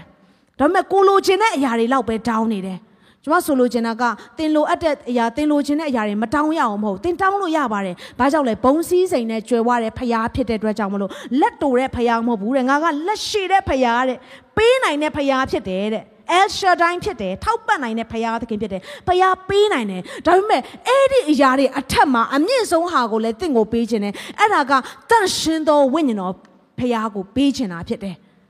လိုအပ်တဲ့အရာတွေကိုထောက်ပံ့တယ်လို့ဝိညာဉ်တော်ဖရားကိုတင့်ကိုတာပြီးပေးခြင်းတဲ့အတွက်ကြောင့်မလို့ထိုဝိညာဉ်တော်ဖရားကိုရလာတဲ့အခါမှာတင့်ကနော်ရေရွေးအသက်တာလောက်ပဲမဟုတ်ဘဲနဲ့စမ်းရည်တွင်အသက်တာဖြစ်လာတယ်ဝိညာဉ်တော်နဲ့ပြည့်ဝတဲ့အသက်တာဖြစ်လာတယ်စမ်းရည်ကမြေကြီးတဲ့ကနေတပွတ်ပွတ်ထွက်လာတယ်လို့ပဲတန်ရှင်းသောဝိညာဉ်တော်ကိုရလာတဲ့အခါမှာအိုးထိမ့်ချုပ်လို့မရတော့ဘူးအထက်ကနေဝမ်းပိုက်ကနေတလိမ့်လိမ့်တက်လာတယ်ဘာတွေကတက်လာလဲဆိုအခြားသောဘာသာစကားတွေကထွက်လာတယ် အဲ့ဒီအခြားသောဘာသာစကားတွေကစမ်းရည်ကတပွတ်ပွတ်ထွက်လာတဲ့အခါမှာမြေကြီးတစ်ပြင်လုံးကဆိုလာတယ်လို့ပဲဒီအခြားသောဘာသာစကားနဲ့ပြောပြောပြောတဲ့အခါမှာစိတ်တက်ကြနေတဲ့အသက်တာတွေကပြန်လဲခွန်အားဖြစ်လာတယ်ဘာမှလှုပ်ချင်ကိုင်းစိတ်မရှိပဲအနာဂတ်ပျောက်ပြီးတော့ငါဘလို့ဆက်သွားရမလဲဆိုတဲ့အခြေအနေကနေပြီးတော့ဖခင်ကငါ့ကိုခွန်အားပေးတယ်ဆိုတဲ့အခြေအနေပြန်ဖြစ်လာတယ်။ဘာကြောင့်လဲအဲ့ဒီလိုဝိညာဉ်တော်ကအထဲကနေပြန်ပြီးတော့တွန်းအားပေးတဲ့အခါမှာဝိညာဉ်တော်တကိုးတော်နဲ့ပြန်ပြီးမတည့်ရက်လာနိုင်တယ်။ နောက်စမ်းရည်ရှိတဲ့တဝက်မှာသက်ရှိတွေကလည်းနေထိုင်ကြတယ်။ကျွန်တော်တို့ဘဝအသက်တာမှာခန်းချောက်နေတယ်ဆိုရင်ကျွန်တော်တို့ကသာသနာပလူတွေလိုပဲဘာထူးမှလဲ။သာသနာပလူတွေလည်းညီးတွားတယ်လေ။ကျွန်တော်တို့လည်းညီးတွားတယ်သာသနာ့ဘလူတွေလည်းပြစ်တင်တယ်မဟုတ်ဘူးလားကျွန်တော်တို့လည်းပြစ်တင်တယ်ဆိုဘာထူးမှလဲ ဒါပေမဲ့တင့်ထဲကနေစမ်းရည်ထွက်လာပြီးတနည်းအားဖြင့်သင်ကတန့်ရှင်းသောဝိညာဉ်တော်ကိုရပြီးတော့ဝိညာဉ်တော်ရဲ့စီးဆင်းမှုကိုလက်ခံကြိုးဆိုလာပြီးဝိညာဉ်တော်နဲ့အတူသွားတက်လာပြီးဆိုရင်အခြားသောသူတွေကငါတို့ငိုနေတဲ့အချိန်မှာနင်ကရည်နိုင်သေးတယ်ငါတို့ညှိတွားတဲ့အချိန်မှာနင်ကတချင်းအောင်စုံနိုင်သေးတယ်ငါတို့ပြစ်တင်တဲ့အခါမှာမင်းကခွင့်အောင်ခွင့်လွတ်တတ်သေးတယ်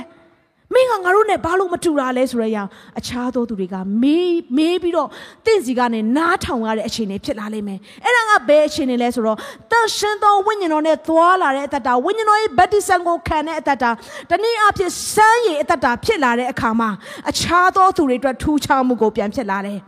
ဒါတော့ကျွန်မဒီအရန်ခွန်အားရတဲ့လူလူရှိတယ် Smith Wigglesworth ဖြစ်တယ်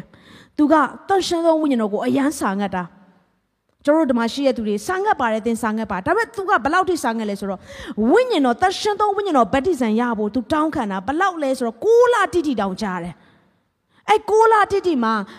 မနဲ့ကောနေကင်းကောညနေရောနော်နေရောညရောနေရောညရောနေ့တိုင်းမှာငိုကြွေးပြီးတော့တန်ရှင်သောဝိညာဉ်တော်ဖခင်ကိုစာငတ်ပါတယ်ဝိညာဉ်တော်ဖခင်ကျွန်တော်ကိုသုံးလောက်မှာဆိုပြီးနေ့တိုင်းငိုကြွေးပြီးဆုတောင်းတာတဲ့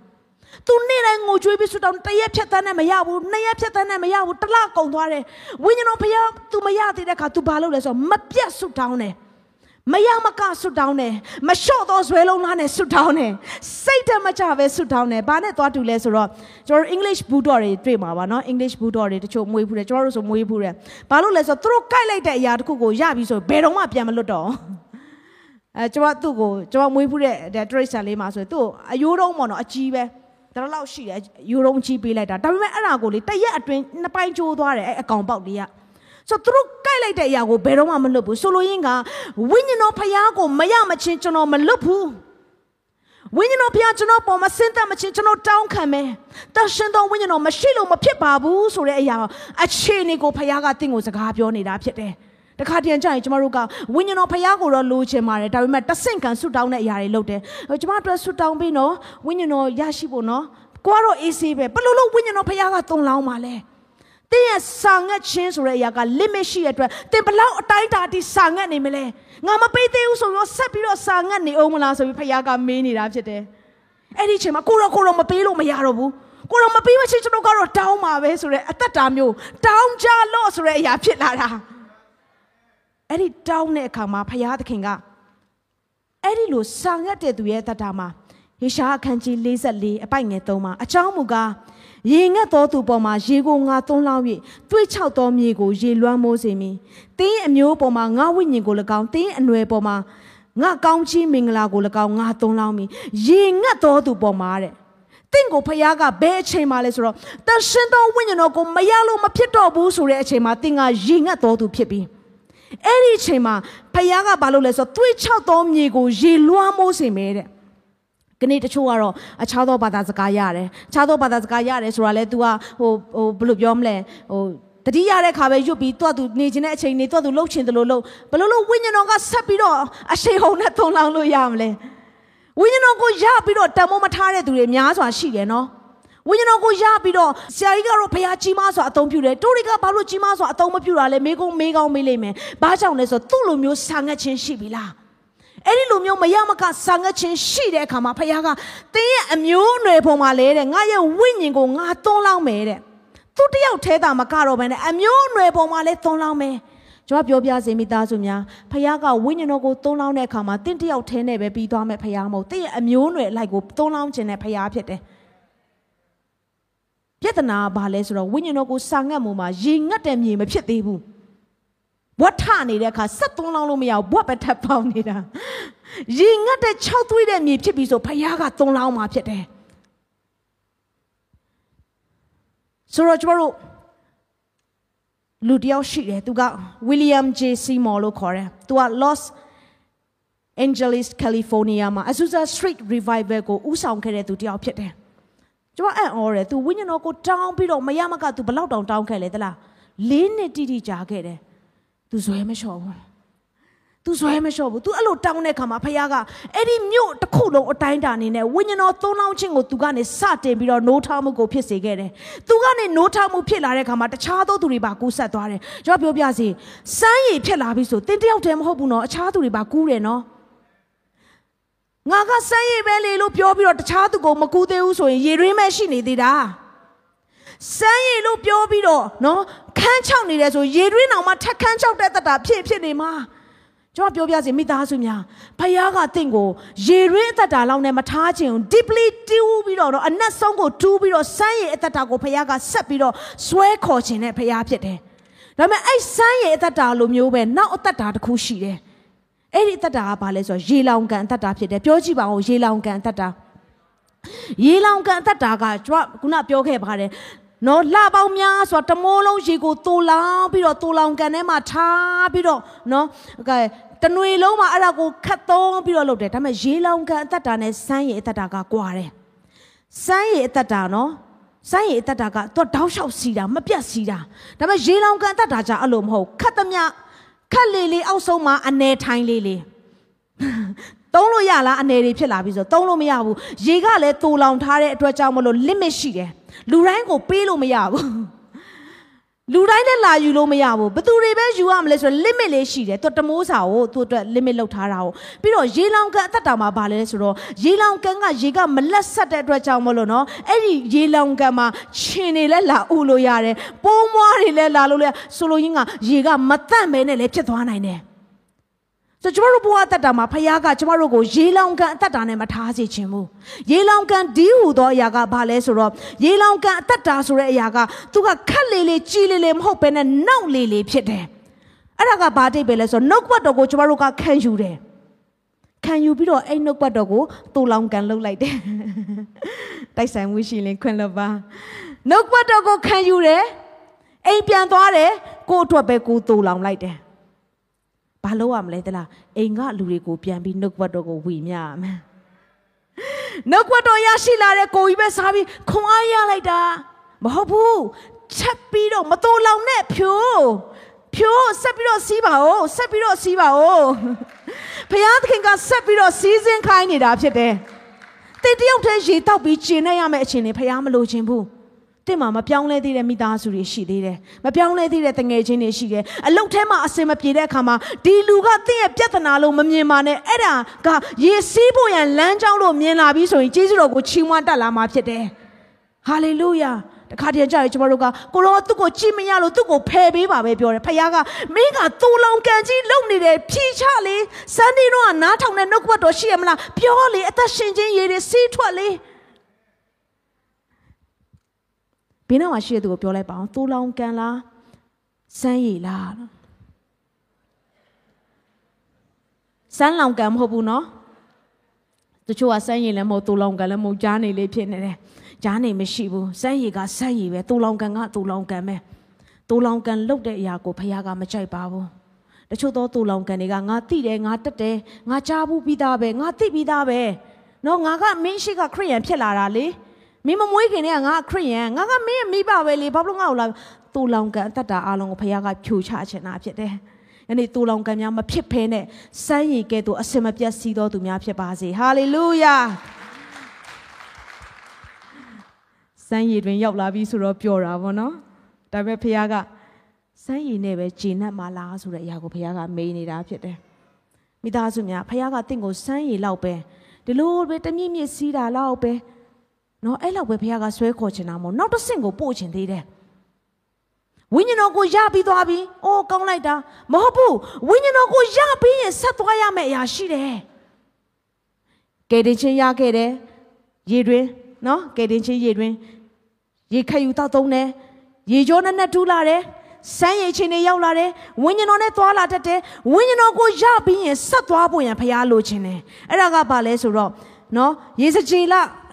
အခန်းကြီး59အငယ်အပိုက်ငယ်6ကနေ9ကိုကျွန်တော်တို့တွေ့မယ်ဆိုအတူတကွဖတ်ရအောင် ထိုသူကအချင်းလူသားအီယာကိုမြင်ပြီးမဟုတ်လို့ဟုပြောပြီးမှတစ်ဖက်ငါ့ကိုခေါ်သွားပြီးမျက်နာသို့ပြန်စေ၏ပြန်စင်အခါမျက်နာနှစ်ဖက်၌များစွာသောအပင်တို့ကိုငါမြင်၏ထိုသူကလည်းအီယေသည်အရှိသို့စီး၍တောကိုရှောက်ပြီးမှအိုင်ထဲသို့ဝင်တက်သောအဖြစ်အိုင်ယေသည်ချိုလိမ့်မည်အသက်ရှင်၍လှုပ်ရှားတတ်သောတရဝအမျိုးမျိုးတို့သည်ထိုမြင့်ရီရောက်သမျှသောအရက်တို့၌အသက်ရှင်၍အလွန်များစွာသောငါတို့လည်းရှိကြလိမ့်မည်ထိုမြင့်ရည်သည်ချိုသောကြောင့်ရောက်သမျှသောအရက်တို့၌တတဝါအမျိုးမျိုးတို့သည်အသက်ရှင်ကြလိမ့်မည်အဲ့ဒီမြင့်ရည်ရောက်တဲ့နေရာတိုင်းမှာတဲ့အသက်ရှင်ခြင်းတွေဖြစ်လာတယ်မြင့်ရည်ကိုဖခင်ကတင်းရဲ့တင်းနဲ့ကျွန်တော်ရဲ့အသက်တာကိုဖြစ်စေခြင်းတယ်မြင့်ရည်ရောက်ခြင်းကဘာလဲဆိုတော့တင်းကမြင့်ရည်ဆိုတဲ့အရာကဖြည်းဖြည်းလေးစီးတာမဟုတ်ဘူး အရှိန်ဟုန်နဲ့နော်စီးစီးစင်းလာတဲ့အရာဖြစ်တယ်။မြည်ရည်တဲ့ကိုရောက်တဲ့အခါမှာအသက်ရှင်အသက်ရှင်တဲ့တရားတွေဖြစ်လာတယ်။သေတော့မဲ့အရာတွေကပြန်လဲရှင်သန်လာတယ်။မြည်ရည်ရှောက်သမျှအပင်တွေအားလုံးကလန်းဆန်းခြင်းနဲ့ကြီးထွားခြင်းကိုဖြစ်စေတယ်။ဆိုလိုရင်းကဘာလဲဆိုတော့တင့်ကိုဝိညာဉ်တော်နဲ့ပဲအေးအေးဆေးဆေးမသွားခြင်းဘူး။အဲ့ဒီဝိညာဉ်တော်နဲ့နှပန်းလုံးတက်တဲ့သတ္တာဖြစ်စေခြင်းနဲ့ဟာလေလုယာ။ဝိညာဉ်တော်နဲ့နှပန်းလုံးမှာယာကုပ်က ကိုရောကောင်းချီးမပေးကျွန်တော်မလွတ်ဘူးဆိုပြီးတော့သူဖတ်ထားသလိုပဲသူပေါင်ကြံကြိုးသွားလဲသူကိစ္စမရှိဘူးကျွန်တော်တိုင်းသားတွေလို့ဆိုမကိစ္စဘူးပေါင်ကြံကြိုးသွားလဲကိစ္စမရှိဘူးဖယားနဲ့ဖတ်ပြီးနှစ်ပန်းလုံးပဲနှစ်ပန်းလုံးသလိုပဲဝိညာဉ်တော်တန်ရှင်တော်ဝိညာဉ်တော်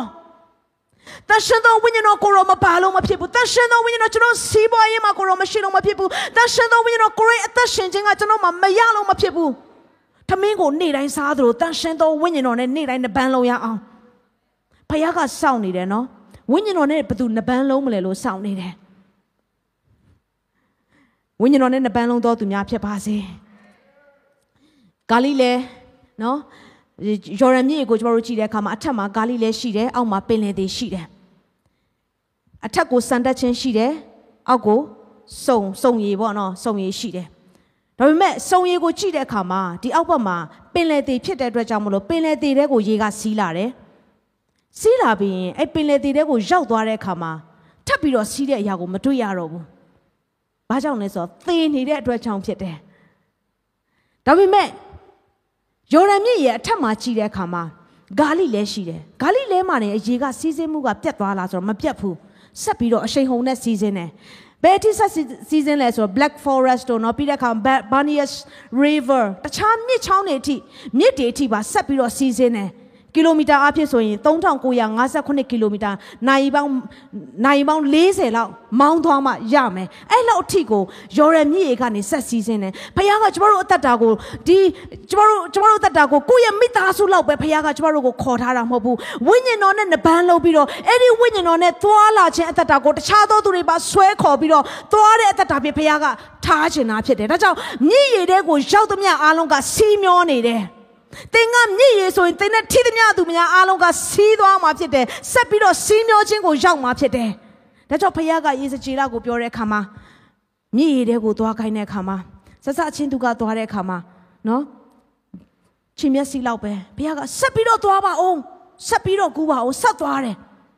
ဆက်ပြီးတော့သွားတဲ့အခါမှာဒူးကောင်းလောက်ဖြစ်လာတယ် တော်ပြီပေါ့ဒူးကောင်းလောက်ဆိုတချို့ကဂျင်နှက်မှာနော်ကျွန်တော်တို့ beach သွားတဲ့ခါမှာဒူးကောင်းလောက်မှာလဲဂျင်နှက်တက်ကြတဲ့သူတွေရှိရယ် beach ရောက်ဖူးတဲ့သူတွေရှိရင်နော်ဒူးကောင်းလောက်မှာလဲကျမဆိုရေမကူးတက်တဲ့ခါဒူးကောင်းလောက်မှာဂျင်နှက်တယ်ဒါပေမဲ့ live ပုတ်တဲ့အခါထဲမှာသဲတွေကအကိုလုံးပေချန်တယ်ဒါပေမဲ့ဆက်ပြီးတော့သွားတဲ့အခါမှာပေါင်လောက်ဖြစ်လာတယ်ရေစကြည်လာကဆက်ပြီးတော့သွားတဲ့အခါမှာသူကရေကိုတည်ပြီးတော့ထိန်းတဲ့အခြေအနေမဟုတ်ဘဲနဲ့ရေကသူ့ကိုမြုပ်သွားတဲ့အခါမှာရေကသူ့ကိုထိန်းပြီးတော့ရေစီးနဲ့အတူမျောသွားတဲ့အသက်တာဖြစ်လာတယ်။ အနေကျမတို့ဘဝအသက်တာကဝိညာဉ်တော်နဲ့သွားတဲ့အခါမှာနော်ဆဆချင်းကတော့တင်သွားတတ်ချင်မှသွားတတ်မယ်ဒါပေမဲ့ဝိညာဉ်တော်နဲ့သွားတဲ့အလေးထားကိုတင်ရရှိလာပြီဆိုရင်ဝိညာဉ်တော်ဥဆောင်ရာကိုလိုက်ပါသွားတတ်တဲ့သူတွေဖြစ်လာတယ်ဟာလေလုယာဟာလေလုယာယေရမိအနာဂတိကျမ်းခန်းကြီး1အပိုင်ငယ်7ကနေ73ကိုကျမတို့အတူတကွကြည့်အောင် အခြားတစ်ပါးသောလူမျိုးတို့ကိုးကွယ်သောဖျားသည်ဖျားမဟုတ်တော်လဲပြောင်းလဲဘူးပြီလောထာဝရဘုရားမိန်တော်မူသည်ကားအိုမိုးကောင်းခင်တို့ဤမှုကိုမိန်မောတွေ့ဝေ၍စက်သေးမွေးညင်းထသည်တိုင်အောင်ထိတ်လန့်လျက်နေကြလောငါ၏လူတို့သည်အသက်ဆန်းရည်တွင်တည်ဟုသောငါကိုစွန့်ပယ်၍ရေမလုံးပဲ့ပြတ်သောရေချင်းတို့ကိုတူးသောအဖြစ်ဒုစရိုက်နှစ်ပါးကိုပြုကြပြီဝိညာဉ်တော်နဲ့သွားရင်းမှ ကျွန်တော်တို့ဘဝအသက်တာကတစ်ခါတည်းကြရင်ဘာဖြစ်တတ်လဲဆိုတော့ဒီထဲမှာရှိတဲ့ဒုစရိုက်နှစ်ပါးလို့ပဲဖြစ်သွားတတ်တယ်ကျွန်တော်ပြောပြစေနော်ဒီထဲမှာပထမတစ်ချက်ကဘာလဲဆိုတော့ဒုစရိုက်နှစ်ပါးမှာအခြားတစ်ပါးသောဖျားကိုကိုးကွယ်သူတွေနော်အခြားတစ်ပါးသောဖျားကိုကိုးကွယ်တဲ့သူတွေကတဲ့သူတို့ကိုးကွယ်တဲ့ဖျားကိုသူတို့မစွန့်ဘူးမယုံကြည်သူတွေသူတို့ကိုးကွယ်တဲ့ဖျားကိုသူတို့မစွန့်ဘဲနဲ့ဆက်ပြီးတော့ကိုးကွယ်နေတယ်ဒါပေမဲ့ဣသရေလလူမျိုးတွေကဖျားကမျိုးနွယ်30ထိသူတို့ကိုဆွဲခေါ်ခဲ့ပြီးရေကိုနှစ်ချမ်းခွဲရတဲ့အရာတွေ အသက်မုံနေသူ့ကိုပေးတဲ့အရာတွေနမိတ်လက္ခဏာများစွာတွေ့တယ်ဒါပေမဲ့ဘာလုပ်လဲဆိုတော့ညိုးနွယ်30လဲပြီးလဲပြီးသွားတဲ့အခါမှာအခြားဖျားတွေကိုပြန်ကိုးကွယ်တဲ့အမှုရာတွေကိုပြန်လုပ်ပြန်တယ်ဆိုဖခင်ကအရက်အမျက်ဒေါသဖြစ်ပြီးတော့မိုးကောင်းကင်တစ်ခုလုံးနဲ့ဆိုလိုရင်းကကောင်းကင်ဘိုးရှေအပေါင်းကောင်းကင်တမန်အားလုံး ကောင်းဝင်သားတွေအားလုံးဒီမှုရာကိုချိပြီးတော့မိန်မောတွေဝေပြီးတော့မင်းတို့တွေချက်သိမ်းမွေးညင်းထတဲ့အထိပေါင်ဖြစ်ကြပါတဲ့ဖယားသခင်ကိုယ်တိုင်ကချက်သိမ်းမွေးညင်းထပြီးတော့အမျက်တော်ထွက်တဲ့အထိဖြစ်တယ်။ဘာကြောင့်လဲဆိုတော့နော်ဒီအရာကဖယားကိုစွန့်လွတ်ခြင်း ဘုရားကိုစွန့်လွတ်ခြင်းဆိုတော့ငါငါခရိယန်ပဲလေမထင်ပါနဲ့ဘုရားကိုစွန့်လွတ်ခြင်းဆိုတဲ့အရာကဘာလဲဆိုတော့တရားဟောကြံခန်းကြီးရှစ်ငယ်၁၇မှာလဲပါတယ်ယနေ့ငါဆင်းဆိုသောစီရင်ထုံးပွဲချက်ပြည့်ညတ်တော်တို့ကိုတင်းတင်းမဆောက်တင်းဘုရားသခင်ထာဝရဘုရားကိုမေ့လျော့သောအပြစ်ကိုတတိနဲ့ရှောင်တော့ပြောကြည့်ပါဦးမေ့လျော့သောအပြစ်မေ့လျော့သောအပြစ်ဒါဆိုရင်ဘုရားကိုမေ့လျော့ခြင်းကအပြစ်ပဲဖြစ်တယ် ဝိညာဉ်တော်နဲ့သွားလိုက်နောက်တည့်ရက်မှာမေ့လိုက်ကန်းကန်းကန်းကန်းချေလို့သူလုံနေတာကန်းချေလို့လုံနေမြေထဲဝင်လိုက်ပြန်ထွက်လိုက်မဟုတ်ဘူးမြေထဲဆက်သွားရင်ဆက်ပြီးတော့စီးစင်းစမ်းမှာအဆုံးထိဆက်စီးစင်းစမ်းမှာဟာလေလုယာမြေရေကနေသွားရင်းနဲ့မှဘာဖြစ်လာလဲဆိုတော့အာဒီနေ့ကတော့ငါကောင်းလို့ဖះကိုဆက်ကိုးကွယ်မယ်နောက်တစ်နေ့မှာတော့အချင်းနေမကောင်းလို့မကိုးကွယ်ဘူးမေ့လျော့တာဒီနေ့ကတော့ငါကံကောင်းလိုက်တာယုံကြည်သူမှာကံကောင်းတယ်မရှိဘူးเนาะဖះကျေးဇူးတော်ပဲရှိတယ် ဒါပေမဲ့ဒီနေ့ကကံကောင်းလိုက်တာဒါပေမဲ့မနေ့ကတော့တော့တိတ်ပြီးတော့ချင်းနေမကောင်းဘူး။အိုးအခုတလောကတော့ဟိုဒီပတ်ဝန်းကျင်အခြေအနေတွေကြောင့်မို့ဒီကာလကြောင့်ငါဆဲတာပါပြီးမှငါ Sunday School ပြန်တက်မယ်မဟုတ်ဘူးနော်။တင်ရွယ်ဘယ်သူမှ Sunday School လက်မခံဘူး။ဆိုတော့ဖယားကိုမေ့လျော့ခြင်းသည်အဖြစ်ဖြစ်တယ်။တနည်းအားဖြင့်ဖယားကိုမေ့လျော့ခြင်းသည်ဘာဖြစ်လဲဆိုတော့အဲ့ဒီမြည်ရည်ထဲမှာအမိုက်တွေလာစွန့်ပစ်တာနဲ့လည်းတူတယ်။ မြည်ရည်ထဲမှာအမိုက်တွေရှင်ကောင်းမလားမကောင်းဘူးအမိုက်လာစွန့်ပစ်တယ်ပိတ်ဆို့အောင်လုပ်တယ်ရေစီးကြောင်မကောင်းအောင်လုပ်တယ်နော် block ဖြစ်အောင်အမျိုးမျိုးလှုပ်ဆောင်တဲ့အတ္တတာဖြစ်တယ်နေမိသားစုများသင်ဖျားကိုမေ့နေတဲ့အချိန်မှာတော့ဖျားကသင်ကိုမမေ့ဘူးဘုရားကကျွန်တော်တို့ကိုဘယ်လောက်ချစ်လဲဆိုတော့တည့်ရဲ့အိတ်ချင်းထိုင်ချင်းထချင်းဝင်ချင်းထွက်ချင်းကိုအားလုံးကြည့်နေတဲ့ဘုရားသခင်ဖြစ်တယ်။သတိနဲ့ကြည့်ရှုပေးနေတဲ့ဘုရားသခင်ဖြစ်တယ်။ဆိုတော့ကျွန်တော်တို့ဘဝအသက်တာမှာမေ့လျော့သောအဖြစ်ကိုဘုရားသခင်ကရှောင်ပါ။ ပြောကြည့်ပါဦးမေ့လျော့သောအဖြစ်ကိုရှောင်ပါနောက်ထပ်ဒုစရိုက်တစ်ပါးပါလဲဆိုတော့အသက်ဆန်းရည်တွင်တည်ဟုသောငါကိုစွန့်ပယ်၍ရေမလုံးပဲ့ပြတ်သောရေချင်းတို့ကိုတူးသောအားဖြင့်အသက်ဆန်းရည်ကိုစွန့်နေတဲ့စွန့်ပြီးတော့ဘာလုပ်လဲဆိုတော့ရေချင်းတူးတယ်တဲ့ရေချင်းတူးတယ်ဆိုတာဘာကိုပြောလဲဆိုတော့ကိုယ့်အတွက်ကိုလောက်တာလေ အဲ့ဒါကတိုးလောင်ကန်လောက်တာဖြစ်တယ်ဖခင်ကတိုးလောင်ကန်မချိုက်ဘူးလို့ခုနပြောခဲ့တယ်နော်ဖခင်ကတိုးလောင်ကန်ကိုဖျက်ဆီးခိုင်းနေတယ်တိုးလောင်ကန်မချိုက်ဘူးဒါပေမဲ့ဖခင်ကတင့်ကိုဒီဒီဆွဲခေါ်ခဲ့လာပြီးမှပဲရေချင်းလှုပ်ဖို့ပြန်စဉ်းစားတဲ့အတ္တများယနေ့ဖခင်စီကိုပြန်လဲကြရအောင်ရေချင်းတိဟုသောကိုယ့်ရဲ့ခွန်အားရေချင်းတိဟုသောကိုယ့်ရဲ့အတ္တရေချင်းတိဟုသောဖခင်ကိုဖခင်ကိုတော့နောက်မှနေကျွန်တော်အရှိမနေမယ်ဆိုတဲ့အတ္တတွေကိုဖခင်ကဆွန့်လွတ်ခိုင်းနေတာဖြစ်တယ် ဟာလေလုယာဟာလေလုယာခဏသင်ရဲ့လက်ယုံကိုအားကိုးပဲမဟုတ်ဘဲနဲ့ဖခင်ကိုမျှော်ရှိဖို့ရအတွက်ဖြစ်တယ်အခြေအနေမကောင်းလို့နိုင်ငံခြားသွားတာတဲ့ဖခင်ရဲ့မျက်မှောက်တော်ထဲမှာဘလို့အဖြစ်ရှိလဲဆိုတော့စောင့်မျှော်ဖို့ဖြစ်တယ်အဲ့ဒီရေချင်းတွေအားလုံးကိုဖခင်ကငါ့ရဲ့ပလင်ရှိကိုယူလာပါဒီရေချင်းတွေအားလုံးကိုဖြိုချပါငါတင့်ကိုဖြစ်စေခြင်းတဲ့အရာကစီးစင်းတဲ့အတ္တတာ ဝိညာဉ်တော်နဲ့နှပန်းလုံးတဲ့အတ္တတာဝိညာဉ်တော်ဥဆောင်ရကိုလိုက်ပါသွားတတဲ့အတ္တတာဝိညာဉ်တော်နဲ့သွားပြီးတော့ပျော်မွေ့နေတဲ့အချိန်ဘလောက်ကုံဆုံးတော့ကုံဆုံးသွားမယ်မသိဘဲနဲ့ဝိညာဉ်တော်နဲ့ပျော်မွေ့တဲ့အတ္တတာကိုဘုရားကလိုချင်တာဖြစ်တယ်မနဲ့မိုးလင်းလို့နော်တည်င်းနေပါတွေပဲကြည့်လို့ပါဒီစိတ်တက်ကြစရာတွေများစွာရှိလိမ့်မယ်အဲ့ဒီအချိန်မှာဝိညာဉ်တော်ဘုရားကျွန်တော်ရဲ့အသက်တာကိုကိုရောဆွဲခေါ်ပါဝိညာဉ်တော်ဖခင်ကိုရောနဲ့နှပန်းလုံးချင်ပါတယ်ဝိညာဉ်တော်ဖခင်ကိုရောကျွန်တော်ကိုစကားပြောပါ ကျွန်တော်ခင်မုန်းကကျွန်တော်ကိုစကားပြောပြီးပြီဝိညာဉ်တော်ကမပြောသေးမဖြစ်သေးဘူးတန်ရှင်တော်ဝိညာဉ်တော်ကိုစာငတ်တဲ့အတ္တကြီးဖြစ်ရအောင်ဒါကြောင့်ဒီဒီချိန်မှာကျွန်တော်ခဏလောက်မေးခြင်းတယ်တင်တန်ရှင်တော်ဝိညာဉ်တော်နဲ့နှပန်းမလုံးခဲ့တာဘယ်လောက်ကြာခဲ့ပြီလဲယေရှုကိုသင်ရတဲ့အခါမှာနေ့တိုင်းစံစာဖတ်လို့မဝအောင်လေဒါပေမဲ့အခုလိုအချိန်လေးမှာရောအဲ့ဒီစာငတ်ခြင်းတွေရှိသေးရဲ့လားကိုရောစကားပြောပါလို့အမြဲတောင်းတတဲ့အတ္တတွေအခုဆက်ပြီးတော့ရှိနေလား ဟိုကျမတို့မြန်မာပြည်ချင်းတွေကຫນွေကာလလိုကြုံတွေ့ရတဲ့အချိန်လေးဖြစ်တယ်။ခံချောက်မှုတွေရှိတယ်။ဝိညာဉ်တော်နဲ့မသွားလာတတ်တော့ဘူး။ရေကိုခတ်တော့အောင်ကျန်းစာအုပ်ကိုတစ်ခါမဖွင့်တော့ဘူး။ရေကိုတစ်ခါမဖွင့်တော့ဘူးမတောက်တော့ဘူး။စံရည်ဒီဟုသောဝိညာဉ်တော်နဲ့အတူမသွားလာတတ်တော့ဘူး။မြစ်ရည်ဒီဟုသောဝိညာဉ်တော်နဲ့နှပန်းလုံးနဲ့တတ်တာတွေမရှိလာတော့ဘူး။ကျွန်မအားပေးခြင်းနဲ့ပြန်သွားရအောင်ဒီနေ့မှာဝိညာဉ်တော်နဲ့နှပန်းလုံးဖို့ရဖရာသင်ကိုစကားပြောနေတာဖြစ်တယ်။ လောကအရာတွေနဲ့ပဲသင်မွေ့လျော်ပြီးတော့ဝိညာဉ်တော်နဲ့မမွေ့လျော်ဘူးဆိုရင်ဖခင်သင်အတွက်ဘလောက်တောင်မြဲအေးကြနေလိမ့်မလဲသင်ရဲ့ရေတွင်ခန်းချောက်တာဘလောက်ကြာခဲ့ပြီလဲတချို့သောရေတွင်တွေမှာခန်းချောက်နေတယ်ဘုရားကခန်းချောက်ခြင်းကိုမပေးချင်ငါသားငါသမီးငါသင်ကိုအသက်ရေပေးထားတယ်အဲ့ဒီရေကိုပြန်တောက်ပါအသက်ရေကိုပြန်တောက်ပြီးတော့အသက်ရှင်ခြင်းနဲ့အတူပြန်ပြီးတော့ငါနဲ့နည်းနည်းရကိုသွားပါနှဆိုင်တဲ့အရက်ကိုသွားပါတရှင်တော်ဝိညာဉ်တော်ဘုရားသင်ကိုစကားပြောခြင်းနဲ့ဒီချိန်မှာခဏလောက်မတည့်ရကြရအောင် ဝိညာဉ်တော်ဖခင်ကျွန်တော်ကိုစကားပြောပါတခြားသောသူတွေရဲ့ပြောတဲ့အတန်တွေကိုကျွန်တော်ကြားခဲ့တယ်ပဝန်းကျင်ကပြောတဲ့အတန်ကိုကျွန်တော်ကြားတယ်တတိတွေရဲ့ပြောတဲ့အတန်ကိုကျွန်တော်ကြားတယ်လောကရဲ့ပြောတဲ့အတန်တွေကိုကျွန်တော်ကြားခဲ့တယ်ဝိညာဉ်တော်ကျွန်တော်ကိုပြစ်မထားပါနဲ့ကျွန်တော်ကိုစကားပြောပါ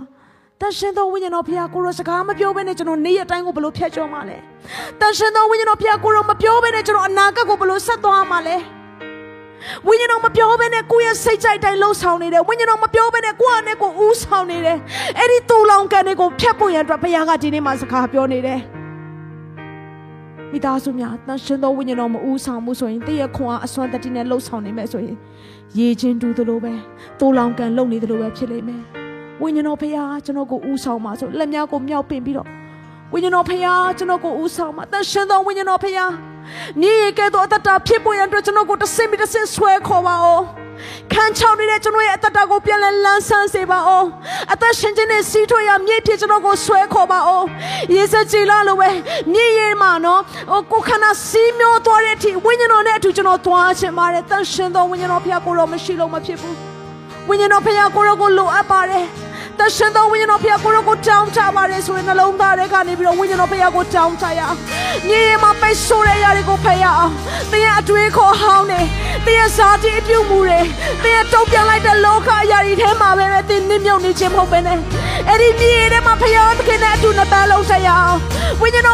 ်ဦးဆောင်ရအောင် ကိုကျွန်တော်လိုက်ပါဖို့အစဉ်နဲ့ရှိတယ်ကျွန်တော်ရဲ့အနာဂတ်ကတရှင်တော်ဝိညာဉ်တော်ဖြစ်တယ်ဝိညာဉ်တော်ကျွန်တော်ကိုဆွဲခေါ်ပါအောင်အရှိကိုမမြင်ရပါနဲ့ဝိညာဉ်တော်ဦးဆောင်ရအောင်ကိုလိုက်ဖို့ရတော့စင်းရှိပါတယ်ကိုရိနေ့ရက်ထဲမှာကျွန်တော်ကိုဆွဲခေါ်ပါကိုရိနေ့ရက်ထဲမှာကျွန်တော်ကိုဆွဲခေါ်ပါကျွန်တော်ဒီတိုင်းမချန်ထားခဲ့ပါနဲ့အိုးကိုရရှင်ဖျားကျွန်တော်ကိုဒီတိုင်းမချခဲ့ပါနဲ့အိုး Smith Breaker What လို့ပဲအိုးဝိညာဉ်တော်ဖျားကျွန်တော်ကိုဦးဆောင်ပါလို့ပြောတဲ့အခါမှာနမိတ်လက္ခဏာနဲ့သူ့ကိုဖျားကတည်တဲ့သူတွေကိုတော့ပြန်လဲရှင်ပြန်တဲ့အထိရှင်တန်လာတဲ့အထိ တည်တဲ့သူတွေကအသက်ရှင်လာတဲ့အထိ14ယောက်တိတိဖျားကသူ့ကိုကောင်းချီပေးခဲ့တယ်အဲ့ဒါကဝိညာဉ်တော်နဲ့နှပန်းလုံးလို့ဖြစ်တယ်ဝိညာဉ်တော်နဲ့နှပန်းလုံးတဲ့အခါမှာသင်ရဲ့ဘဝတတမှာခန်းချောက်တဲ့အရာတွေကိုလည်းပြန်လဲဆိုးဆိုးစင်မှာဖြစ်တယ်ဟာလေလုယာတရှင်တော်ဝိညာဉ်